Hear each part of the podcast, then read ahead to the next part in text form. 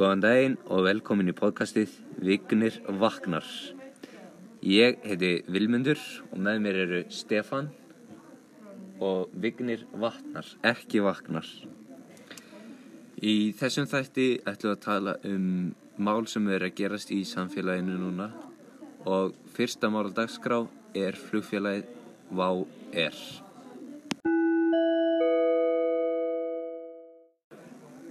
Jæja, Vignir. Hvað finnst þér um Vá-Air og stöðu þeirra í dag?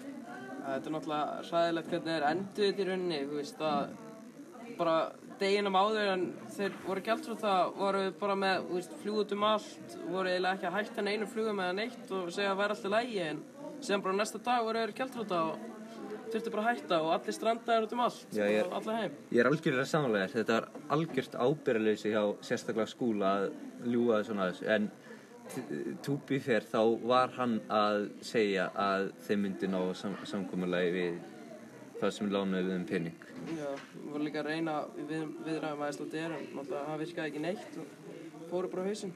Já, En þeir eru samt að reyna að endurreisa þetta, þeir eru búin að segja það að þeir eru að reyna að endur þetta já, og reyna að laga þetta og þeir eru að selja hérna, þeir eru þá með í skuldabröðum og 51% þarf, þarf einhver að kaupa það sem eru einhverju milljarar Já. og þá myndi flugfélagi geta aftur ég, ég kaupi það ekki. Ég, ég held að það sé ekki að fara að gerast. Já, ég- líka af hverju myndir þú kaupa Vá er náttúrulega bara hræðilegt flugfélagi í rauninni sem um, fokkaði öllu.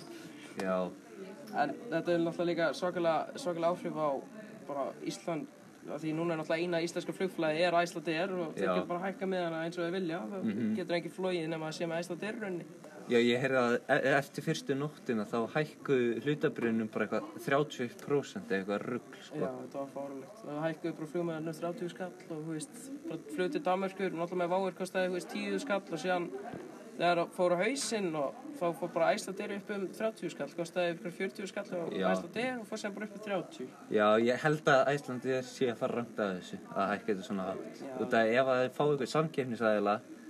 þá eru Íslendingar ekkert að fara að vera neitt hliðhullir þeim og þeir hækka ve- verðið alveg upp úr öllum öldum. Nei, nei, alls ekki. Þið þurfa bara að finna ódýrar flug, það er eins og snýst um fyrir þá. Eða Já, kaupa. já ertu ekki samanlægstafa?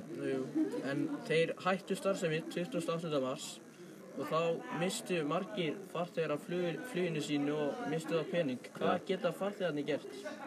Því ég, ég held alveg öruglega að Æslandi hafi bóðið þeim, þeim sem eru fastur í útlöndum upp á mjög góðan díl til að komast heim tilbaka. Já, mjög góðan díl, það er svona góð díl með við Æslandir, en það er alltaf fáránlegt líka, sko. Þetta er bara, ég veit ekki hvað maður skal segja, þeir eru náttúrulega, geta þeir eru ekkert gert, þannig að áver. Þeir náttúrulega hafa eitthvað pening lengur, gáttu náttúrulega ekki borgað þeim, þú veist, tilbaka eða neitt.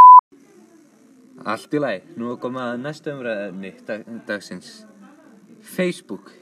Viki, hvað finnst þér um það að Facebook sé að taka persónuleg upplýsingarnar okkur að selja þær? Sko, fyrst og fremst, Facebook var uppbólsamfélagsmeðlöfin. Já, En síðan áttaði ég mig á þessu að hvað þeir eru að gera og ákvaði bara að uh, halda árum út á Facebook en byrja á allt öðrum samfélagsmiðlum. Mhm. Af því þetta er alltaf fáralegt að þeir geti bara gert allt þetta, veist, já, alveg ótrúlegt. já. Ég held svona máli sé að face, Facebook er ekki beint frítt, heldur borgarinu með þessum upplýsingum. Út af þá getur það seltið það til auðlýsingafyrirtækinu náttúrulega. Já, Já. er ads. En, en vitið þið hvað þeir vita um okkur? Að, Já, ég veit nokkra hluti.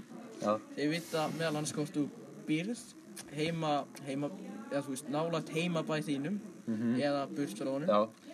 Þeir vita einhvern veginn hvernig, í, hversu stóri íbúðin þín er. What? Ha? Hvernig? Ég veit það ekki. Bara, wow. Facebook, Þeir vita hvort þú átt kreditkort. Já, ok. það er eiga flest í kreditkortin. Já, já. Já, þannig. Ok, þeir vita ef þú átt eitthvað svona konsól eða þú veist leikjartölu Já, ok. og síðan ef þú ert í langtíma svona sambandi eða, lang, eða fjarsambandi Já, þeir vita það. fjarsamöði.